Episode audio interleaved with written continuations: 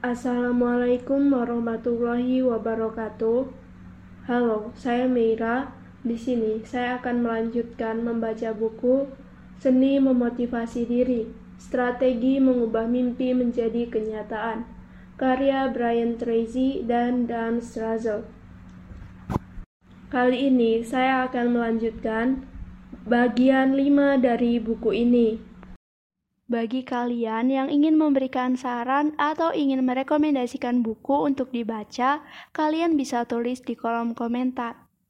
Kalian juga bisa mensupport channel ini dengan cara mensubscribe channel ini dan menghidupkan lonceng notifikasi agar tidak tertinggal video-video audiobook lainnya dan bisa juga dengan cara like dan share video ini agar banyak orang yang bisa mendengarkan audiobook ini dan bisa mendapatkan banyak manfaat dari channel ini. Bagian 5, kekuatan tindakan yang benar dan fleksibel. Mengapa just do it saja tidak lagi cukup? Dan bertanya, sekarang kita akan memperkenalkan sebuah kualitas yang selalu menjadi faktor penting untuk meraih kesuksesan tetapi mungkin tidak pernah menjadi demikian penting dibanding saat ini. Dan kualitas yang dimaksud adalah fleksibilitas.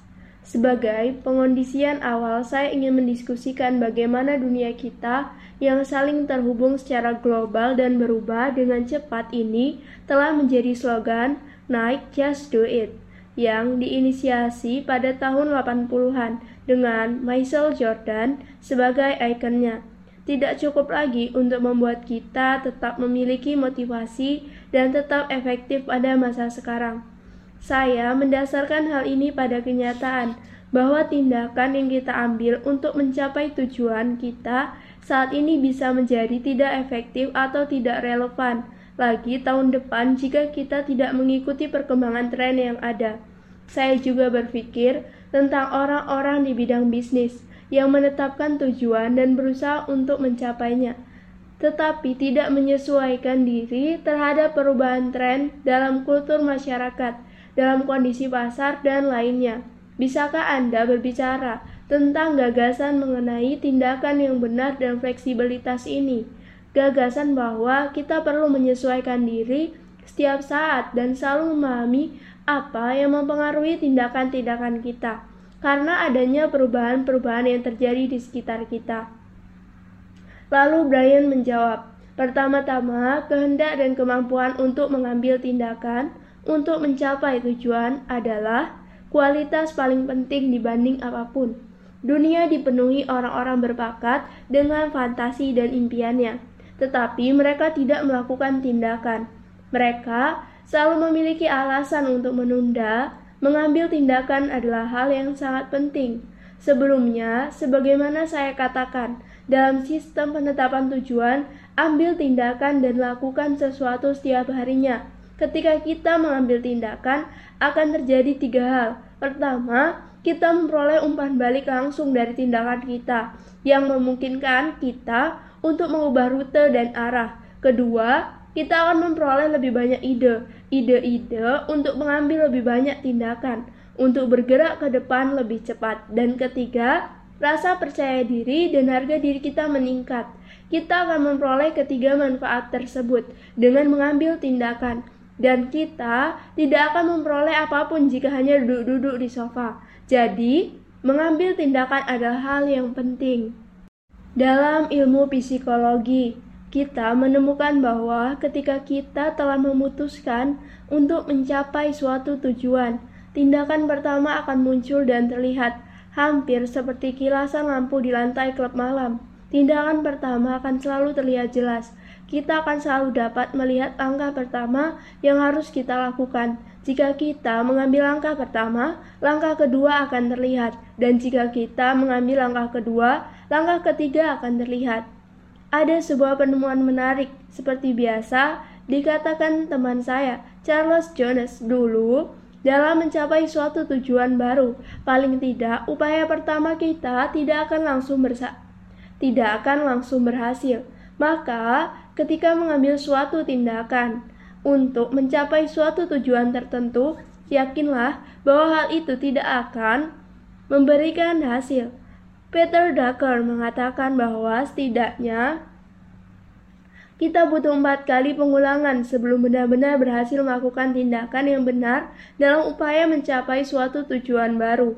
Saya baru-baru ini membaca sebuah artikel dalam Harvard Business Review tentang suatu studi. Dikatakan bahwa sebuah perusahaan mencoba 15 metode berbeda, 15 model bisnis berbeda pada suatu bisnis baru dan produk baru sebelum mereka menemukan satu metode dan model bisnis yang benar. Satu-satunya hal yang paling penting dalam hidup adalah apakah tindakan kita memberikan hasil? Apakah tindakan itu membawa kita pada hasil yang diharapkan? Kita bisa jatuh cinta pada serangkaian tindakan, bahkan sebelum tindakan-tindakan itu memberikan hasil. Peter Drucker mengatakan, jika publik Amerika tahu berapa banyak kesalahan yang telah dilakukan dalam kerangka bangunan manajemen dikarenakan ego manajerial, maka akan timbul kerusuhan di jalanan. Di Silicon Valley, terdapat perusahaan-perusahaan pre-revenue, yakni perusahaan yang belum menjual apa pun, belum memiliki pendapatan. Mereka mencoba menjual saham atau mengumpulkan uang. Ada yang kemudian benar-benar dibeli seperti Facebook membeli Instagram. Mereka mau membayar amat sangat mahal untuk perusahaan-perusahaan yang belum pernah menghasilkan uang satu sen pun. Poin kritis yang ingin saya tunjukkan adalah pentingnya mengambil tindakan dan mencari umpan balik. Ini adalah salah ini adalah salah satu kualitas yang dimiliki oleh para peak performer, yaitu orang-orang yang berada di prestasi puncak mereka selalu mengambil tindakan dan mencari umpan balik. Aturan yang berlaku bagi mereka adalah cari sebuah ide, lakukan tindakan, gagal dengan cepat, belajar dengan cepat, coba lagi. Ikuti kembali siklusnya, ulangi lagi, cari sebuah ide, coba untuk menerapkannya, dapatkan umpan balik, lakukan kesalahan, belajar dari kesalahan, dan coba lagi. Ini adalah siklus yang tidak memiliki akhir, Jim Collins menyebutnya seperti lingkaran jebakan. Tetap lakukan kesalahan, pelajari sesuatu, dan lakukan kesalahan, sampai akhirnya bisa bergerak lebih cepat dan semakin cepat. Semua orang sukses pernah melakukan sejumlah kesalahan besar, seperti yang sudah kita bicarakan sebelumnya. Kita mulai dengan satu arah, melakukan langkah pertama, mulai bergerak ke arah tujuan, dan mendapat umpan balik lalu menggunakan umpan balik itu untuk mengubah arah tindakan. Artikel yang sama dalam Harvard Business Review menyebut tentang perusahaan lain yang telah melakukan 34 kali perubahan model bisnis sebelum mencapai keberhasilannya. Drucker dulu bisa mengatakan 4, tetapi menurut saya itu dulu. Sekarang jumlahnya bisa 10 atau 15. Sebelum bisnis yang sangat sukses bahkan melakukan 99 kali percobaan, 99 pengulangan berbeda dalam bentuk perusahaan rintisan yang efisien, Land Startup.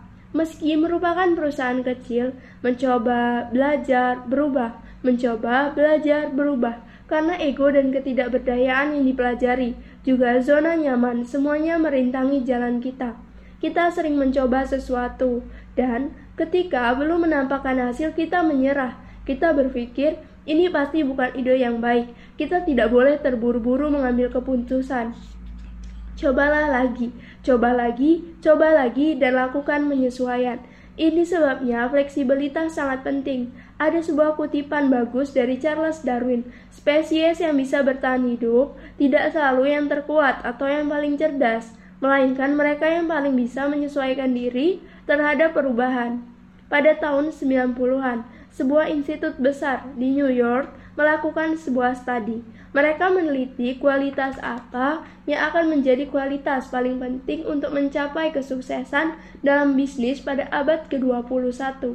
Mereka mempelajari semua kualitas, visi, keberanian, ambisi, persistensi, inovasi, tetapi kualitas nomor satunya adalah fleksibilitas.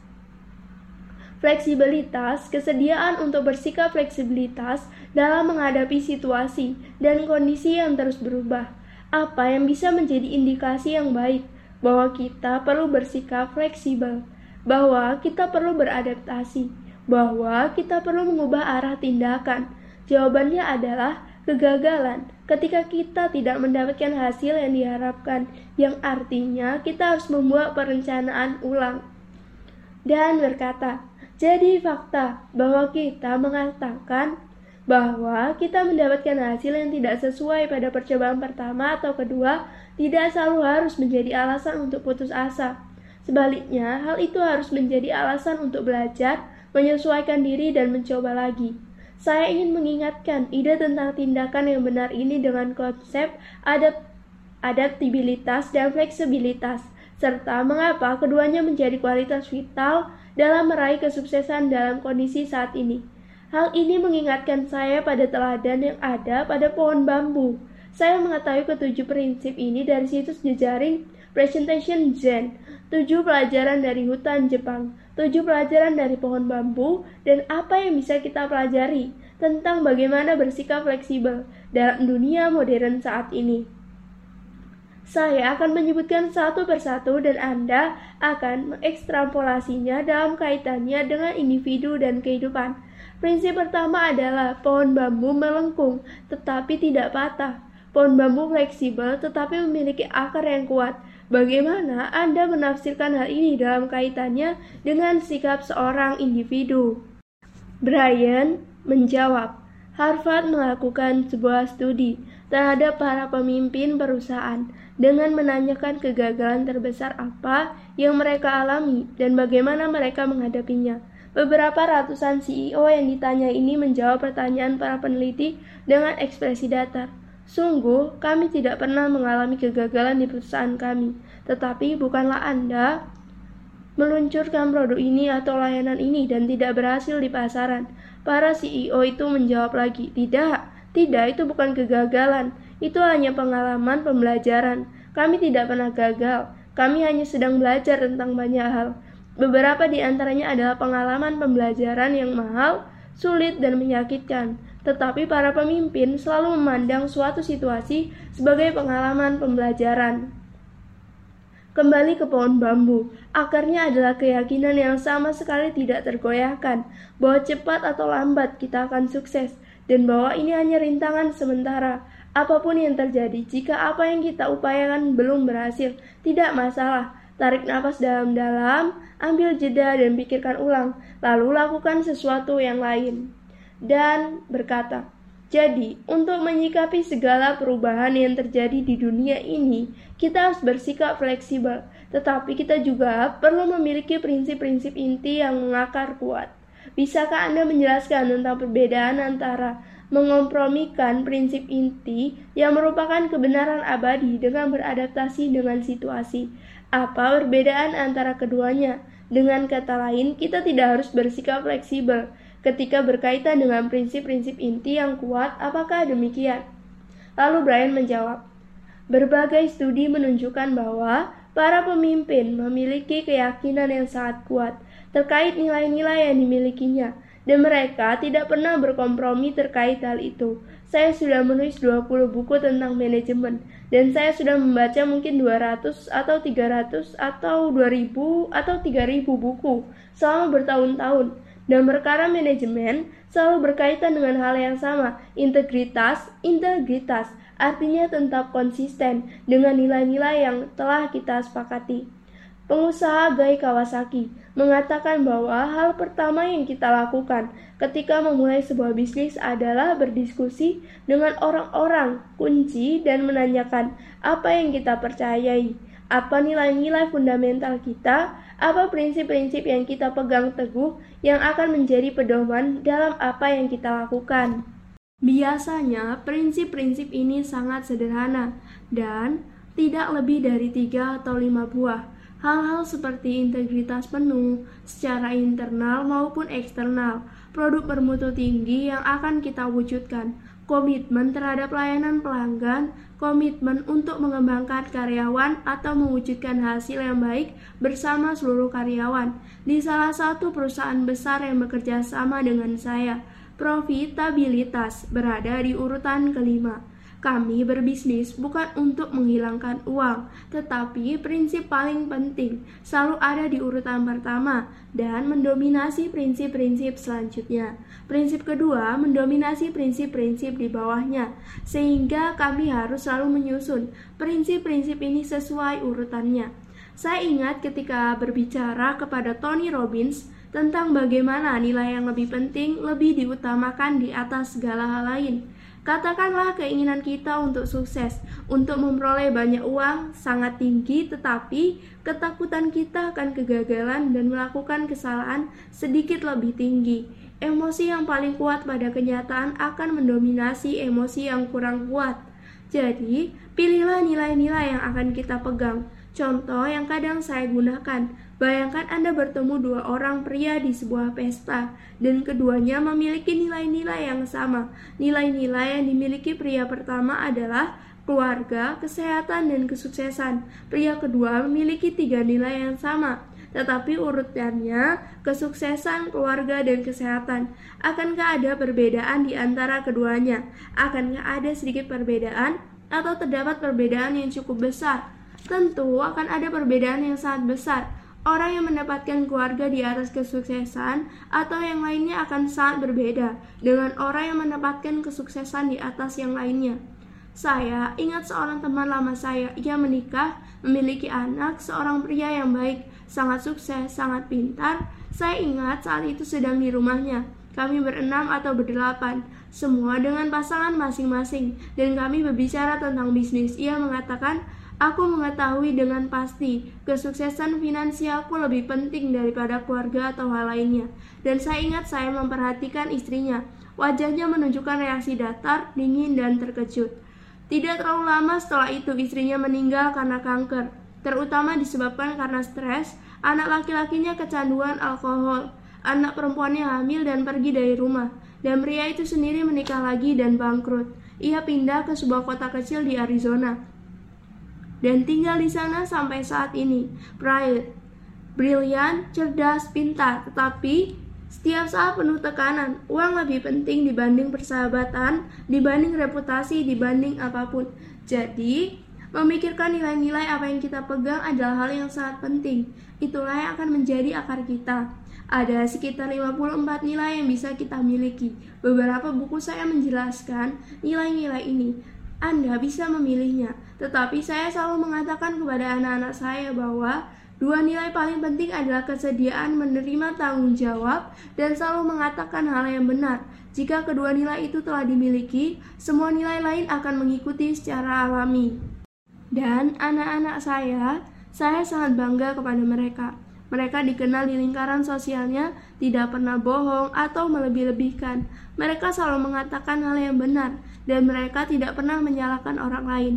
Mereka selalu mengambil tanggung jawab. Mereka bahagia, populer, sukses, dan memiliki kehidupan yang sangat baik. Di sekeliling mereka tentu saja banyak para pecandu alkohol, pengangguran, orang-orang yang terlibat dalam hal yang dipertanyakan kebaikannya, dan pengguna obat-obatan terlarang.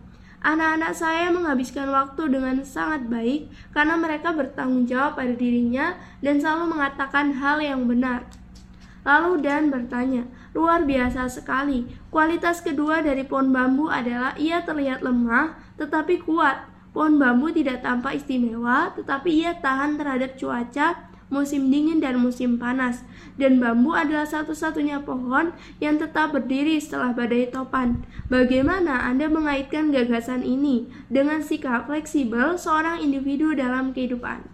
Brian menjawab, dalam buku Jim Collins yang sangat bagus berjudul Good to Great, ia mempelajari perusahaan-perusahaan yang untuk waktu lama hanya merupakan perusahaan biasa dan kemudian menjadi perusahaan besar yang memimpin dunia ia menemukan bahwa bagi masing-masing perusahaan ini, titik balik dalam perjalanan menuju kebesarannya adalah ketika mereka mengangkat apa yang ia sebut pemimpin tingkat lima. Seorang pemimpin tingkat lima bukanlah seseorang yang muncul di koran-koran. pemberitaan pers, atau di acara-acara talk show. Orang-orang ini biasanya sangat tenang, mudah bergaul, memiliki komitmen yang sangat tinggi terhadap kesuksesan bisnis perusahaan, mencintai bisnis yang dijalankannya, dan juga memiliki nilai-nilai moral yang sangat tinggi. Orang-orang ini membawa hal-hal berikut tersebar ke seluruh perusahaan, orang-orang yang berkualitas, hubungan yang berkualitas, pelanggan yang berkualitas, produk yang berkualitas, layanan berkualitas, serta kebetulan tekad dan komitmen yang penuh terhadap kualitas. Karena hal inilah seluruh perusahaan bertransformasi. Berapa? Beberapa di antaranya menjadi perusahaan terkemuka di dunia. Selain itu, menurut studi ini, perusahaan-perusahaan ini adalah perusahaan-perusahaan yang paling fleksibel dalam segala situasi ekonomi. Mereka selalu memiliki cadangan kas. Mereka selalu mau mengubah strategi. Mereka selalu mau menarik diri jika kondisi ekonomi sedang terpuruk, sehingga mereka bisa terus bertahan dan terus menjalankan bisnisnya. Mereka tetap kuat, besar, sangat dihormati, dan memperoleh keuntungan dari tahun ke tahun. Dan berkata, saya pernah membaca hal yang sama dengan konsep pemimpin tingkat lima ini sebuah ilustrasi sempurna dari gagasan tentang sesuatu yang terlihat lemah tetapi sesungguhnya kuat. Tetapi untuk jangka pendek, media cenderung memberi perhatian kepada para CEO populer, para CEO tipe Mark Cuban.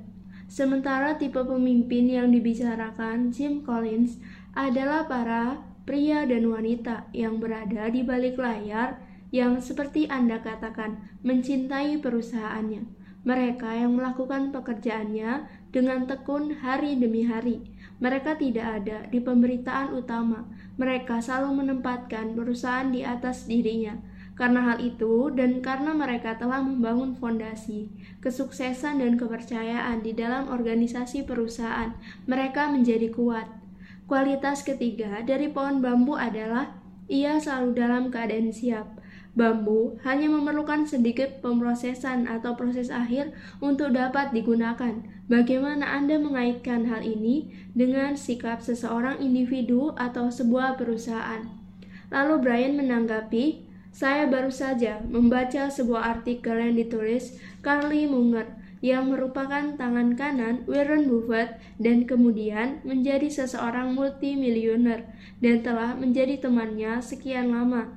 Carly Munger mengatakan, jika kita tidak terus-menerus belajar dan tumbuh dalam dunia saat ini, kita tidak akan memiliki kesempatan di masa depan. Warren Buffett adalah orang terkaya kedua atau ketiga di dunia. Ia akan menjadi orang terkaya pertama di dunia jika ia tidak memberikan 22 juta dolar uangnya kepada yayasan Bill Gates. Ia memulai tanpa memiliki apa pun. Ia membangun bisnisnya dan ia menghabiskan 80% waktunya setiap hari dengan membaca. Carlos Slim, orang terkaya keempat atau kelima dunia, juga menghabiskan 80% waktunya dengan membaca. Orang-orang ini selalu membaca, membaca, membaca, dan belajar. Mereka mengisi pikiran dengan informasi dan ide. Ide baru pada semua area yang penting bagi bisnis mereka dan hasilnya mereka selalu membuat keputusan-keputusan brilian diri dari tahun ke tahun. Mereka membeli sebagian saham berbagai industri atau berbagai bagian industri atau membeli semua saham berbagai industri yang tidak diperhitungkan. Hal ini selalu menjadi berita di halaman depan. Buffett membeli perusahaan ini atau itu. Kemudian terbukti perusahaan yang dibelinya ternyata memiliki aset-aset tersembunyi dan potensi yang sangat besar yang ketika dikelola dengan benar bisa menghasilkan jauh lebih banyak keuntungan. Orang lain tidak dapat melihat potensi itu. Ia bisa melihatnya berkat wawasan luar biasa yang ia peroleh dari apa yang ia baca dan pelajari, juga dari perbincangannya dengan berbagai orang. Jadi ketika kita mengatakan harus selalu dalam keadaan siap, itu artinya teruslah belajar. Kita harus mengikuti apa pun yang terjadi di bidang yang kita geluti saya mengadakan seminar yang disebut Today MBA, sebuah crash course sebuah crash course atau kursus kilat tentang manajemen bisnis praktik. Saya juga mengadakan seminar lain yang disebut Business Model Reinvention untuk menemukan kembali model bisnis yang sesuai. Seminar kedua juga merupakan kursus kilat dua hari. Seminar kedua membahas 12 bagian yang ada pada suatu model bisnis dan menjelaskan model profit untuk bisnis apa pun. Dalam seminar ini ditunjukkan bahwa jika keuntungan kita menurun karena alasan apa pun itu, itu artinya salah satu bagian atau elemen dalam sistemnya tidak berfungsi atau sudah usang. Pasarnya telah berubah apa pun yang kita lakukan sebelumnya untuk menghasilkan keuntungan tidak lagi berfungsi dan tantangannya adalah kita berada dalam zona nyaman. Saya menyampaikan semua gagasan ini kepada banyak orang dan menakjubkan 80% dari mereka mentransformasi bisnis mereka. Sepulang dari seminar ini, mereka mengatakan gagasan ini luar biasa. Tetapi siapakah yang menghindari seminar-seminar seperti ini? Mereka adalah para pembisnis terbaik dari komunitasnya, para manajer puncak, para pengusaha puncak, orang-orang yang sangat sukses, yang waktunya sangat berharga. Mereka menghadiri seminar-seminar ini, duduk di depan, dan mencatat, karena mereka tahu bahwa jika mereka tidak terus meningkatkan kecakapan mereka dengan informasi termutakhir yang ada dalam hal kesuksesan bisnis, mereka akan tertinggal dari kompetitornya yang terus meningkatkan kecakapan mereka. Dan berkata, luar biasa, kualitas keempat dari pohon bambu adalah melepaskan kekuatan untuk bangkit kembali. Lalu Brian menanggapi, Salah satu kualitas yang paling penting untuk sukses adalah daya tahan, resilience, yang pada dasarnya merupakan kemampuan untuk bangkit kembali. Saya sudah mengajarkan konsep ini berulang-ulang. Kebebasan kita hanya sebatas pilihan-pilihan yang kita miliki, yang kita kembangkan secara penuh. Dalam hidup, jika kita hanya memiliki satu pilihan, jika hanya ada satu pekerjaan yang bisa kita lakukan, hanya ada satu keahlian yang bisa kita miliki, maka kita akan terpenjara. Jika sesuatu berubah, jika kita kehilangan pekerjaan, jika kita kehilangan keahlian kita menjadi usang, seperti yang terjadi pada mereka. Jika kemampuan kita untuk menghasilkan sesuatu produk menjadi usang, orang-orang seperti ini tidak bisa lagi bekerja. Dan kita sudah membaca kisah-kisah tentang mereka. Mereka tidak bekerja selama dua atau tiga tahun. Mereka hanya duduk di rumah dan menonton televisi karena satu-satunya keahlian mereka tidak lagi dibutuhkan.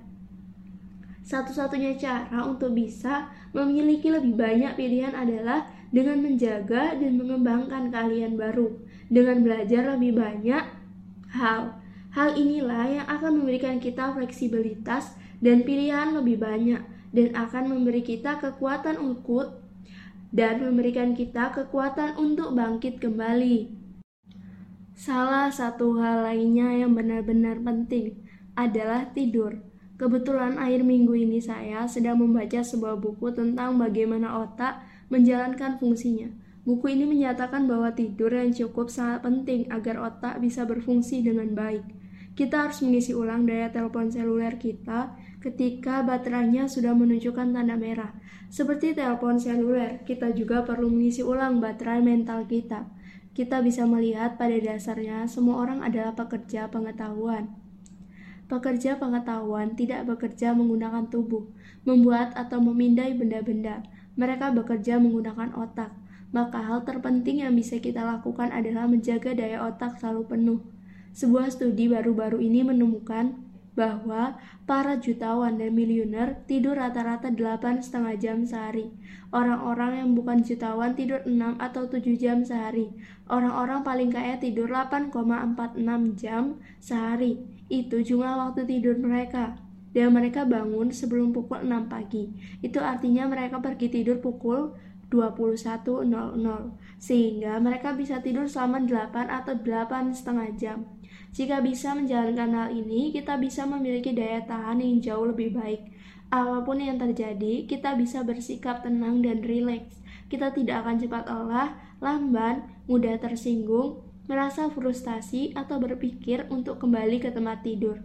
Saya berkelekar pada audiens saya. Saya mengatakan, Berapa banyak di sini yang tadi pagi ketika bangun tidur, hal pertama yang dipikirkan adalah jam berapa bisa kembali ke tempat tidur malam ini. 50% audiens mengangkat tangan. Saya mengatakan itu artinya tidur Anda tidak cukup. Mereka bangun dalam kondisi kekurangan tidur, sehingga saya selalu mengatakan kepada klien-klien saya, tidurlah pukul 21.00, matikan semuanya, matikan televisi, dan tidurlah 8, 9, bahkan 10 jam. Ketika kami bertemu kembali, mereka telah berubah. Mereka sekarang memiliki lebih banyak energi. Berat badan mereka turun karena jika tidur kita cukup, kita akan makan terlalu banyak untuk menimbang energi yang dikeluarkan. Kita akan minum terlalu banyak kopi, minuman ringan, dan pada larut malam kita akan minum satu botol penuh anggur. Kita akan melakukan apa pun yang bisa memberikan tenaga karena kita kelelahan sepanjang waktu. Segera setelah mereka bisa tidur 8 setengah atau 9 jam sehari, mereka menjadi lebih efektif. Mereka mendapatkan lebih banyak uang, kadang pendapatan mereka menjadi tiga kali lebih lipat dalam 90 hari pertama. Mereka lebih sehat, lebih menyenangkan bagi keluarga, selera humornya membaik. Mereka lebih sehat, membuat keputusan-keputusan bisnis yang lebih baik, lebih memiliki pengaruh dan lebih bersuatif kepada orang lain. Untuk mengeluarkan kekuatan agar bisa bangkit kembali, istirahatlah yang cukup. Jika istirahat kita cukup, kita lebih bisa bertahan terhadap apa pun yang terjadi di luar. Tetapi ketika kita lelah dan mudah tersinggung, kita akan cenderung membuat keputusan-keputusan yang bersifat solusi jangka pendek. Kita akan cenderung reaktif dan bereaksi berlebihan, mengatakan hal-hal yang kemudian disesali, dan membuat keputusan-keputusan yang akan memerlukan biaya perbaikan yang sangat mahal di masa depan. Dan menarik sekali, karena apa yang Anda bicarakan telah memecah mitos motivasi lainnya. Banyak orang berpikir para jutawan dan miliuner pasti tidak memiliki waktu tidur yang cukup. Ini benar-benar membalik pandangan umum yang sudah ada. Brian menanggapi, salah satu hal yang kami ajarkan dalam manajemen waktu adalah bahwa terkadang hal terbaik dalam menggunakan waktu adalah pulang cepat, pergi tidur dan tidur sepanjang malam. Pulang cepat bukan untuk mengerjakan hal-hal yang belum dikerjakan atau untuk mengerjakan lebih banyak hal. Penemuan lain saya, jika tidur kita cukup, kita akan menjadi jauh lebih produktif, jauh lebih banyak pekerjaan yang bisa diselesaikan. Kita melakukan pekerjaan dengan lebih baik dan melakukan lebih sedikit kesalahan apa yang bisa dikerjakan selama 8 jam dalam keadaan lelah dan terpaksa akan bisa dikerjakan hanya dalam 2 atau 3 jam dan akan dikerjakan dengan jauh lebih baik. Sebuah imbalan yang sesuai. Kita tidak rugi sama sekali dengan istirahat yang baik, kita benar-benar bisa memanfaatkan waktu dengan baik dan bisa meningkatkan produktivitas. Lalu dan bertanya, prinsip kelima pohon bambu adalah menemukan kebijaksanaan dalam kekosongan Lubang di dalam bambu mengingatkan kita bahwa kerap kali kita memiliki terlalu banyak ide dan kesimpulan, sehingga tidak ada ruang untuk pengetahuan baru. Bisakah Anda menjelaskan gagasan ini sedikit lebih detail? Gagasan bahwa mengosongkan diri bisa bermanfaat bagi seseorang individu. Lalu Brian menjawab, salah satu penemuan paling penting lainnya adalah kekuatan intuisi kita yang tidak pernah gagal dalam memandu kita untuk melakukan dan mengatakan hal yang benar. Emerson menyebutnya sebagai suara hati. Bagaimanapun, untuk dapat menggunakan intuisi dan menggunakan apa yang disebut pikiran sub pikiran suprasadar kita, kita harus menciptakan zona sunyi. Saya baru saja menyelesaikan sebuah buku tentang cara-cara berbeda dalam menggunakan waktu, dan salah satunya adalah dengan menciptakan kondisi kesadaran penuh mindfulness. Mindfulness menjadi subjek bahasan yang sangat besar saat ini. Orang-orang menghabiskan waktu lima hari untuk menarik diri dari keramaian dan membayar ribuan dolar untuk belajar menghidupkan kesadaran. Meski sesungguhnya yang harus kita lakukan hanya menjauh dari keramaian dan duduk dalam sunyi. Seseorang menjadi jauh lebih baik ketika mereka mulai mendengarkan suara hati mereka. Cara mendengarkan suara hati adalah dengan mematikan dan mengesampingkan segala hal lain. Tidak ada rokok, majalah, musik, atau apa pun, kemudian menjauh dari keramaian dan duduk dengan tenang sendirian selama kurang lebih 30 menit. Seperti seember air keruh berlumpur, otak kita memerlukan 24 sampai 26 menit untuk menjadi jernih. Jauhi keramaian dan duduklah dengan tenang selama 30 sampai 60 menit. Dalam 30 menit pertama, kita akan mengalami godaan yang sangat kuat untuk bangkit dan melakukan sesuatu. Tetaplah duduk dan pada akhir 30 menit kita atau bahkan lebih awal, kita sudah menjadi tenang dan jernih dan pikiran kita akan mulai menjadi tercerahkan. Dan jawaban dari persoalan terbesar yang kita hadapi saat ini tiba-tiba saja muncul dalam pikiran kita lalu semakin jelas seperti sebuah papan iklan yang sangat besar ketika keadaan kita menjadi semakin baik. Jawaban persoalan akan bermunculan, tetapi cara ini hanya akan berhasil jika kita mempraktikkan kesunyian secara rutin. Pascal, seorang penulis besar, pernah mengatakan bahwa semua masalah yang dihadapi manusia terjadi karena ketidakmampuan mereka untuk duduk tenang di sebuah ruangan sendirian selama periode waktu tertentu. Alih-alih melakukan hal itu, mereka memilih memasuki keramaian sampai akhirnya mereka memulai perang, revolusi, dan lainnya. Tetapi orang yang duduk tenang dan membiarkan pikirannya tenang dan hanya berpikir tentang diri dan kehidupannya akan jauh lebih tenang, jauh lebih kreatif. Mereka akan membuat keputusan-keputusan yang lebih baik. Mereka jauh lebih menyenangkan secara pribadi.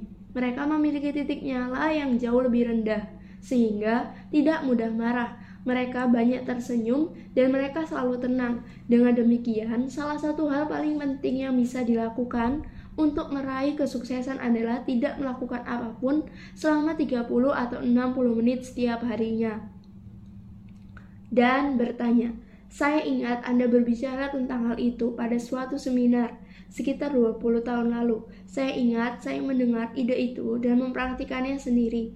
Cara ini sangat berarti terbitlah di masa sekarang karena sunyi seolah telah menjadi sebongkah emas berharga. Ke mana pun kita pergi, TV ada di mana-mana, polusi suara di mana-mana, kecuali kita berada jauh di dalam hutan, atau kita dengan sengaja mengondisikan diri dalam sunyi. Dengan susah payah kita bisa mendengar suara dari dalam diri kita. Jika tidak, maka suara hati kita tidak akan pernah bisa kita dengar. Prinsip keenam dari pohon bambu adalah komitmen untuk terus tumbuh. Pohon bambu termasuk di antara tanaman dengan pertumbuhan paling cepat di dunia. Bisakah Anda membahas hal ini dalam kaitannya dengan sikap seorang individu? Mungkin mirip dengan teori Kaizen, filosofi Jepang tentang penyempurnaan terus-menerus. Brian menjawab, Zig Ziglar pernah menceritakan sebuah kisah yang sangat bagus tentang pohon bambu Tiongkok. Para petani menanam pohon bambu ini. Mereka mengubur benih, menyirami, lalu menanam bibit yang tumbuh. Tetapi bibit ini tidak juga tumbuh tinggi. Mereka menunggu berbulan-bulan. Satu tahun berlalu, tetapi tetap tak ada perubahan. Mereka menunggu lagi di tahun berikutnya. Dan mereka tetap menunggu selama lima tahun. Dan tetap tak ada perubahan. Ternyata yang sebenarnya sedang terjadi adalah akar pohon bambu itu sedang membentuk jaringan yang sangat-sangat dalam. Baru setelah itu pohon bambu itu tumbuh setinggi 30 meter dan menjadi salah satu tanaman paling kuat di dunia. Satu-satunya alasan mengapa pohon bambu itu bisa berdiri dengan ketinggian 30 meter adalah karena pohon bambu itu memiliki jaringan akar yang dalam. Hal yang sama akan terjadi pada kita jika kita belajar bertumbuh, mengembangkan pengetahuan, dan keahlian-keahlian baru. Ingat, sebuah ide bisa mengubah hidup kita, tetapi kita tidak pernah tahu ide yang mana. Sehingga kita harus terus-menerus menyerap banyak ide baru, sehingga ide yang tepat akan datang pada waktu yang tepat. Ide yang akan mengubah hidup kita sepenuhnya. Saya akan memberi contoh. Saya sedang mendengarkan wawancara seorang pengusaha sukses. Pewawancara bertanya, apa kunci untuk sukses dalam bisnis? Yang diwawancara menjawab, 90% kesuksesan bisnis ditentukan pertama-tama oleh kualitas produk. Saya hampir kehilangan kendali menyetir ketika mendengarnya. Saya telah mendengar prinsip ini diulang ribuan kali, tetapi setiap kali diucapkan bahwa 90% kesuksesan bisnis ditentukan pertama-tama oleh kualitas produk, itu menyetak kesadaran saya. Saya mengembangkan sebuah seminar dua hari penuh mengenai hal ini. Bagaimana mengelola, merencanakan, mengembangkan, menjual, dan memasarkan produk yang benar-benar unggul. Bagaimana kita tahu produk itu unggul? Apa yang perlu dilakukan? Di mana kita bisa mendapatkan pekerja, manajemen, keahlian, teknik, dan layanan pelanggan? Kita akan menemukan bahwa setiap perusahaan yang sukses akan memicu munculnya tanggapan seperti ini dari pelanggan. Ini produk yang bagus. Mereka orang-orang yang hebat, ini tempat yang bagus. Saya bertanya kepada para pengelola bisnis saya, berapa banyak orang, berapa persen dari pelanggan Anda yang setelah menggunakan produk dan layanan Anda kembali kepada Anda atau berbicara kepada orang lain, ini produk yang bagus. Berapa banyak orang yang berbuat demikian? Presentasi itu adalah salah satu faktor paling penting untuk menentukan masa depan bisnis Anda. Presentase orang yang mengatakan, ini produk yang bagus, menentukan keseluruhan masa depan Anda. Banyak perusahaan menghabiskan jutaan dolar untuk melakukan riset mengenai hal ini. Meriset sebuah pertanyaan, apakah produk ini bagus? Orang-orang mengatakan itu adalah hal yang masuk akal dan bisa dipahami. Saya melanjutkan, apakah hal itu juga berlaku bagi kita sebagai manusia? Kesuksesan kita, bayaran yang kita terima, pendapatan, promosi, keseluruhan gaya hidup kita akan ditentukan oleh kualitas kerja kita. Dan tugas kita, menurut banyak riset, adalah untuk mencapai 10% posisi puncak dalam bidang yang kita geluti. Kita tidak perlu menjadi nomor satu seperti dalam olimpiade. Kita hanya harus mencapai 10% posisi puncak karena yang 10% ini, baik perusahaan maupun individu adalah mereka yang mengumpulkan 90% pendapatan yang terdistribusi di semua kalangan masyarakat. Mirip aturan 80 per 20, tetapi ini 90 per 10. Maka tugas kita adalah mencapai 10% posisi puncak ini. Apa yang harus dilakukan untuk mencapai 10% posisi puncak ini? Jawabannya ada pada keputusan kita untuk mencapai posisi itu, karena tidak ada yang bisa menghentikan kita untuk mencapai posisi itu. Kita tidak sedang berbicara tentang cara memenangkan Olimpiade, kita hanya sedang berbicara tentang bagaimana agar kita bisa dikenal sebagai penghasil atau penyedia produk atau layanan dengan kualitas tinggi. Apakah mencapai posisi itu mudah? Tidak Berapa lama waktu yang diperlukan untuk mencapainya? Menurut Malcolm Gladwell dalam bukunya Outliers, merujuk pada apa yang telah dilakukan oleh orang-orang golongan terkemuka. Dibutuhkan waktu 5 sampai 7 tahun. Dalam buku Jim Collins, Good to Great, pemimpin tingkat 5, pemimpin yang kuat, pendiam, tenang dan efektif, memerlukan waktu 5 sampai 7 tahun untuk mentransformasi perusahaannya dari perusahaan yang baik menjadi perusahaan yang memimpin dunia. Maka tetapkanlah ini sebagai tujuan dalam kehidupan bisnis kita. Aku ingin orang mengatakan bahwa aku adalah yang terbaik dalam bisnis ini. Para dokter yang dikenal sebagai dokter-dokter terbaik menghasilkan 80 ribu, 100 ribu dolar sehari. Saya mengetahuinya karena saya memakai jasa mereka dan saya memperoleh tagihan untuk biaya operasi. Dokter biasa rata-rata memperoleh 150 dolar untuk satu kunjungan di daerah pinggiran kota. Mereka semua belajar di sekolah medis yang sama, tetapi para dokter terbaik itu, terutama para dokter bedah, telah mendedikasikan dirinya untuk menjadi sangat, sangat ahli di bidangnya, untuk menjadi lebih baik dari yang lain, seperti dalam sebuah sirkuit balapan. Mereka memiliki pendapatan jauh di atas rata-rata pendapatan mereka tidak naik sebesar 10% atau 20%. Pendapatan mereka naik 10 atau 20 kali lipat. Peningkatan itu diperoleh dari pengembangan diri yang terus-menerus memperbaiki diri sedikit demi sedikit secara terus-menerus dari hari ke hari. Dan berkata, Terakhir, prinsip ketujuh dari pohon bambu adalah menunjukkan manfaat melalui kesederhanaan. Pohon bambu menunjukkan kegunaannya dalam kesederhanaannya. Bagaimana pendapat Anda mengenai ide kesederhanaan dan kebermanfaatan dengan cara yang sederhana ini? bahwa untuk meraih kesuksesan sama sekali tidak butuh kompleksitas yang berlebihan. Lalu Brian menjawab, telah banyak penelitian dilakukan terkait subjek bahasan yang sangat populer mengenai rekayasa ulang. Bagaimana kita merekayasa ulang sebuah bisnis? Bagaimana kita merekayasa ulang kehidupan pribadi? Jawabannya adalah dengan berhenti melakukan terlalu banyak hal. Para peneliti ini memperhatikan strategi dari perusahaan-perusahaan besar dalam masa resesi akhir. Perusahaan-perusahaan yang sukses adalah mereka yang berhenti melakukan sebagian besar kegiatannya, bukan perusahaan yang mulai melakukan atau mencoba sejumlah besar hal baru, melainkan perusahaan yang berhenti melakukan hal-hal yang tidak berjalan terlalu baik. Sehingga kita harus bertanya pada diri sendiri, adakah yang aku lakukan hari ini yang jika saja aku tahu akibatnya, aku tidak ingin terlibat lagi di dalamnya. Sesuatu yang tampak seperti ide yang bagus pada saat itu, dan mungkin memang itu adalah ide yang bagus pada saat itu. Tetapi setelah tahu akibatnya, kita tidak ingin terlibat lagi di dalamnya. Jika jawabannya, ya aku tahu tidak ingin terlibat lagi di dalamnya, Pertanyaan selanjutnya adalah bagaimana kita keluar dari hal ini dan seberapa cepat kita bisa keluar. Jangan menunda-nunda. Jika kita memiliki urusan bisnis dan memutuskan tidak ingin bekerja sama lagi dengan seseorang hari ini, maka akhirilah kerjasamanya hari ini. Jika kita memutuskan suatu produk tidak akan dilempar lagi ke pasar mulai hari ini karena faktor persaingan, harga, dan lainnya, maka hentikan pemasaran produk itu. Hentikan. Kerap kali, eksekutif senior yang menyebabkan perusahaan terlibat kesulitan tidak bisa membawa perusahaan keluar dari kesulitan ini karena mereka terlalu banyak melibatkan ego dalam produk atau keputusan-keputusan sebelumnya. Jadi, apa yang harus dilakukan dewan direksi?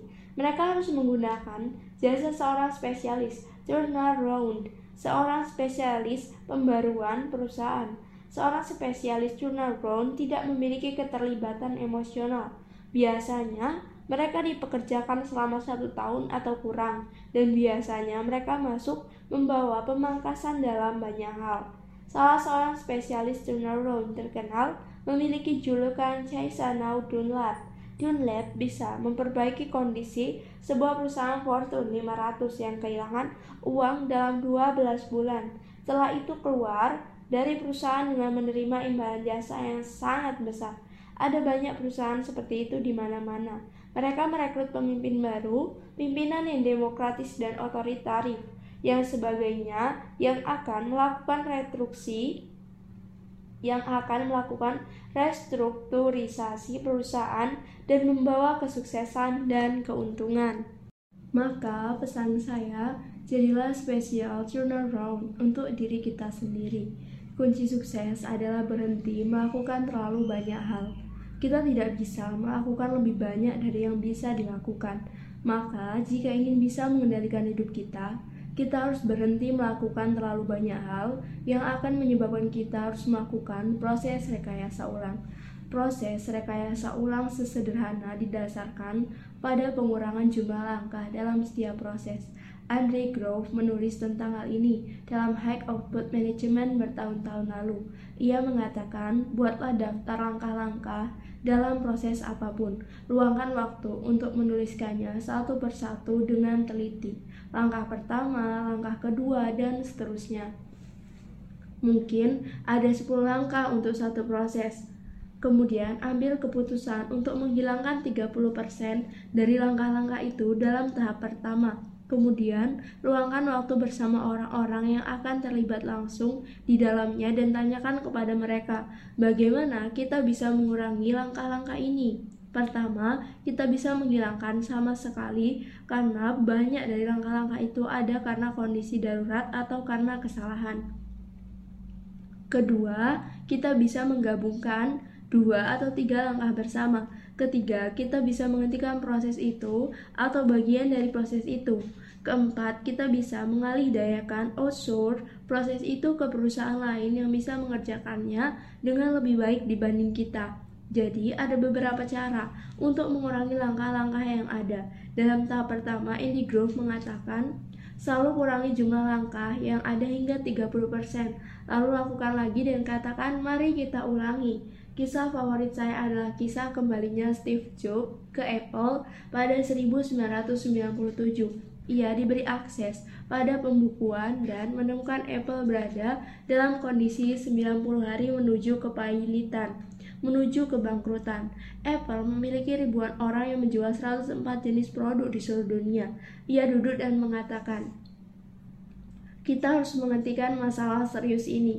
Ia memanggil semua pejabat eksekutif puncak dan meminta mereka merekomendasikan 10 produk yang akan tetap mereka jual. Semua produk lainnya di luar yang mereka rekomendasikan akan dihentikan penjualannya. Orang-orang saling berargumen, tetapi akhirnya mereka datang menemui Jobs karena ini bukan soal pilihan. Mereka datang dengan 10 rekomendasi masing-masing dan mereka menggabungkan seluruh rekomendasi masing-masing itu bersama mereka akhirnya mencapai kesepakatan bersama. Sekarang, kata Jobs, dalam beberapa hari ke depan, aku ingin semuanya pulang, diskusikan, dan hilangkan enam lagi. Tentu saja semuanya terkejut. Pilihannya adalah melakukan hal ini atau kita tutup perusahaan ini. Jadi tolong pahami bahwa pekerjaan kalian saat ini berada dalam resiko. Begitu juga pekerjaan ribuan orang lainnya. Mereka menggerutu dan marah. Beberapa mengundurkan diri, tetapi akhirnya diputuskan empat produk yang bertahan dan 100 lainnya dihentikan. Dari 104 produk yang ada, mereka menghentikan penjualan 100 produk dalam 90 hari. Keseluruhan kondisi perusahaan mulai membaik dan dalam beberapa tahun Apple menjadi perusahaan bernilai paling tinggi di dunia dengan menghentikan pertumbuhan yang rendah pemasukan rendah, keuntungan rendah, dengan menghilangkan produk-produk yang tidak menguntungkan.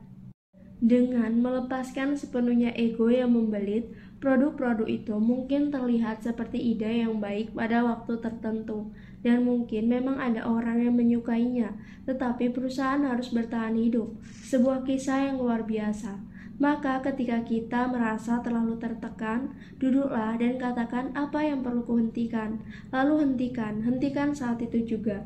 Dan bertanya, kita bisa mengaitkan hal ini bahkan dengan orang-orang yang bekerja di bagian penjualan. Mungkin kita punya klien atau sedang mengejar klien yang hanya akan memberi kita sedikit penjualan atau keuntungan. Ini perkara memangkas yang tidak terlalu menguntungkan dan mempertahankan 20% yang paling menguntungkan. Jadi Brian, apa pesan terakhir Anda tentang fleksibilitas ini? Dan Brian menanggapi, Peter Drucker yang sangat saya hormati pernah mengatakan bahwa asumsi yang menyimpang adalah akar dari segala kegagalan. Dengan kata lain, asumsi yang salah, kita mengasumsikan sesuatu yang tidak benar. Kita berasumsi tidak ada pasar atau pasarnya tidak cukup besar atau tidak cukup menguntungkan. Kita berasumsi akan ada pasar untuk produk baru kita. Kita berasumsi bahwa seseorang akan meraih sukses dan menjadi produsen yang baik ketika mereka sendiri tidak pernah berubah kita membuat asumsi-asumsi yang salah.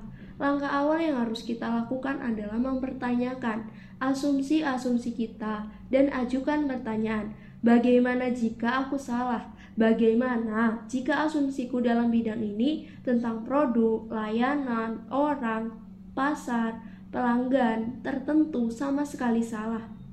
apa yang akan kulakukan selanjutnya? Ada tiga atau empat pertanyaan yang saya ajarkan dalam semua kursus bisnis saya.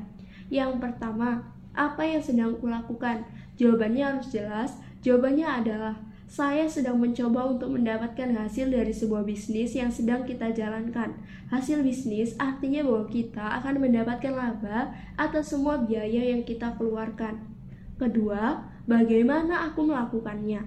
Kita selalu mengajukan pertanyaan ini ketika mengalami frustasi, penolakan, kinerja rendah, kesulitan, stres, marah, kecewa, dan kecewa dengan pekerjaan. Berhentilah sejenak dan tanyakan, apa yang sedang kulakukan dan bagaimana aku melakukannya. Sangat sedikit orang yang mempertanyakan ini.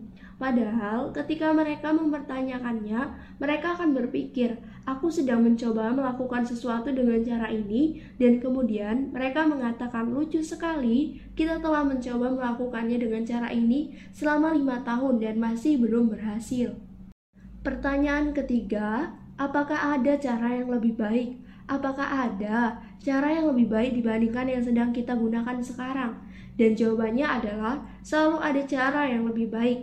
Jadi, jika kita tidak melakukannya dengan cara ini sekarang, jika kita tidak mengetahui akibatnya, akankah kita melakukan dengan cara yang sama lagi? Atau apakah kita akan melakukannya dengan cara berbeda? Jika kita terus mempertanyakan hal-hal ini, pikiran kita akan terus terbuka. Saya akan melakukan latihan ini dengan para eksekutif senior dari sebuah perusahaan bernilai 100 juta dolar minggu depan di Eropa. Kami akan duduk bersama dalam satu meja dan saya akan mengajukan pertanyaan-pertanyaan ini.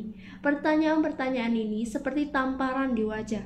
Apa yang sedang kita lakukan? Bagaimana kita melakukannya? Apakah menunjukkan hasil? Mengapa tidak berhasil? Apa asumsi kita? Bagaimana jika asumsi kita salah? Apa yang akan kita lakukan kemudian? Bagaimana jika kita tidak memiliki batasan? Bagaimana jika kita memiliki dana tak terbatas dan kita bisa melakukan apa pun yang kita inginkan? Dan jika setelah enam bulan kita tidak berhasil mencapai tujuan, kita diancam ditembak di kepala. Apa yang akan kita lakukan dengan cara yang berbeda? Perubahan apa yang akan kita lakukan secepatnya? Berikan penekanan pada pertanyaan-pertanyaan ini, sehingga semua orang akan mulai memikirkan ide-ide luar biasa yang sama sekali berbeda.